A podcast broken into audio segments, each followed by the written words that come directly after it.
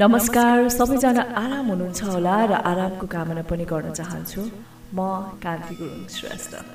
आज तपाईँहरू समक्ष म जापान निवासी सुदर्शन चौधरीजीको कविता वाचन गर्ने प्रयासमा छु र सुरुवातमै भन्न चाहन्छु भुल भए माफी गर्नुहोस् भनेर।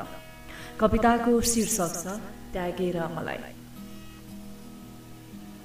त्यागेर मलाई तिमीले के पायौ? त्यागेर मलाई तिमीले के पायौ? संसार र मैले भन्दा फरक के पायौ? खोजेको थिएन तिमीबाट मैले जाब अर्थ।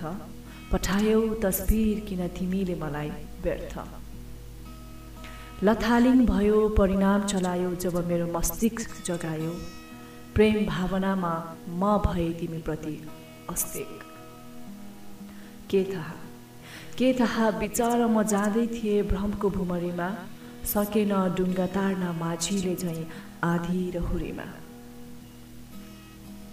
फेरि पनि यो मनै हुन्छ चञ्चल किन तन टाढा भए पनि मन बिना टाढा बस्न सकिन। त्यागेर मलाई तिमीले के पायौ? संसार र मैले भन्दा फरक के पायो? हुन गइरहेछु आज तिमी कसैको अर्दाङ्गिनी भुल हो अधुरो ठान्नु तिमी बिना मेरो जिन्दगानी। सम्झाइ मन र मस्तिष्कलाई व्यर्थ नगर लडाई जीवनको परिभाषा नै हो कठिनाई माथि चढाइ विच्छेद हुनु जरुरी छैन हुँदैमा जनै सुपारी हृदयदेखि सम्बन्ध जोड्न खोजेको होइन म गफारी अपेक्षा छैन कुनै मलाई तिमीसँग नजिक हुँदैमा।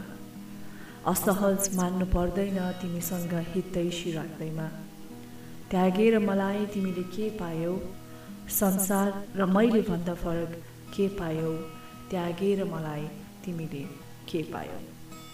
सुदर्शन चौधरी जापान।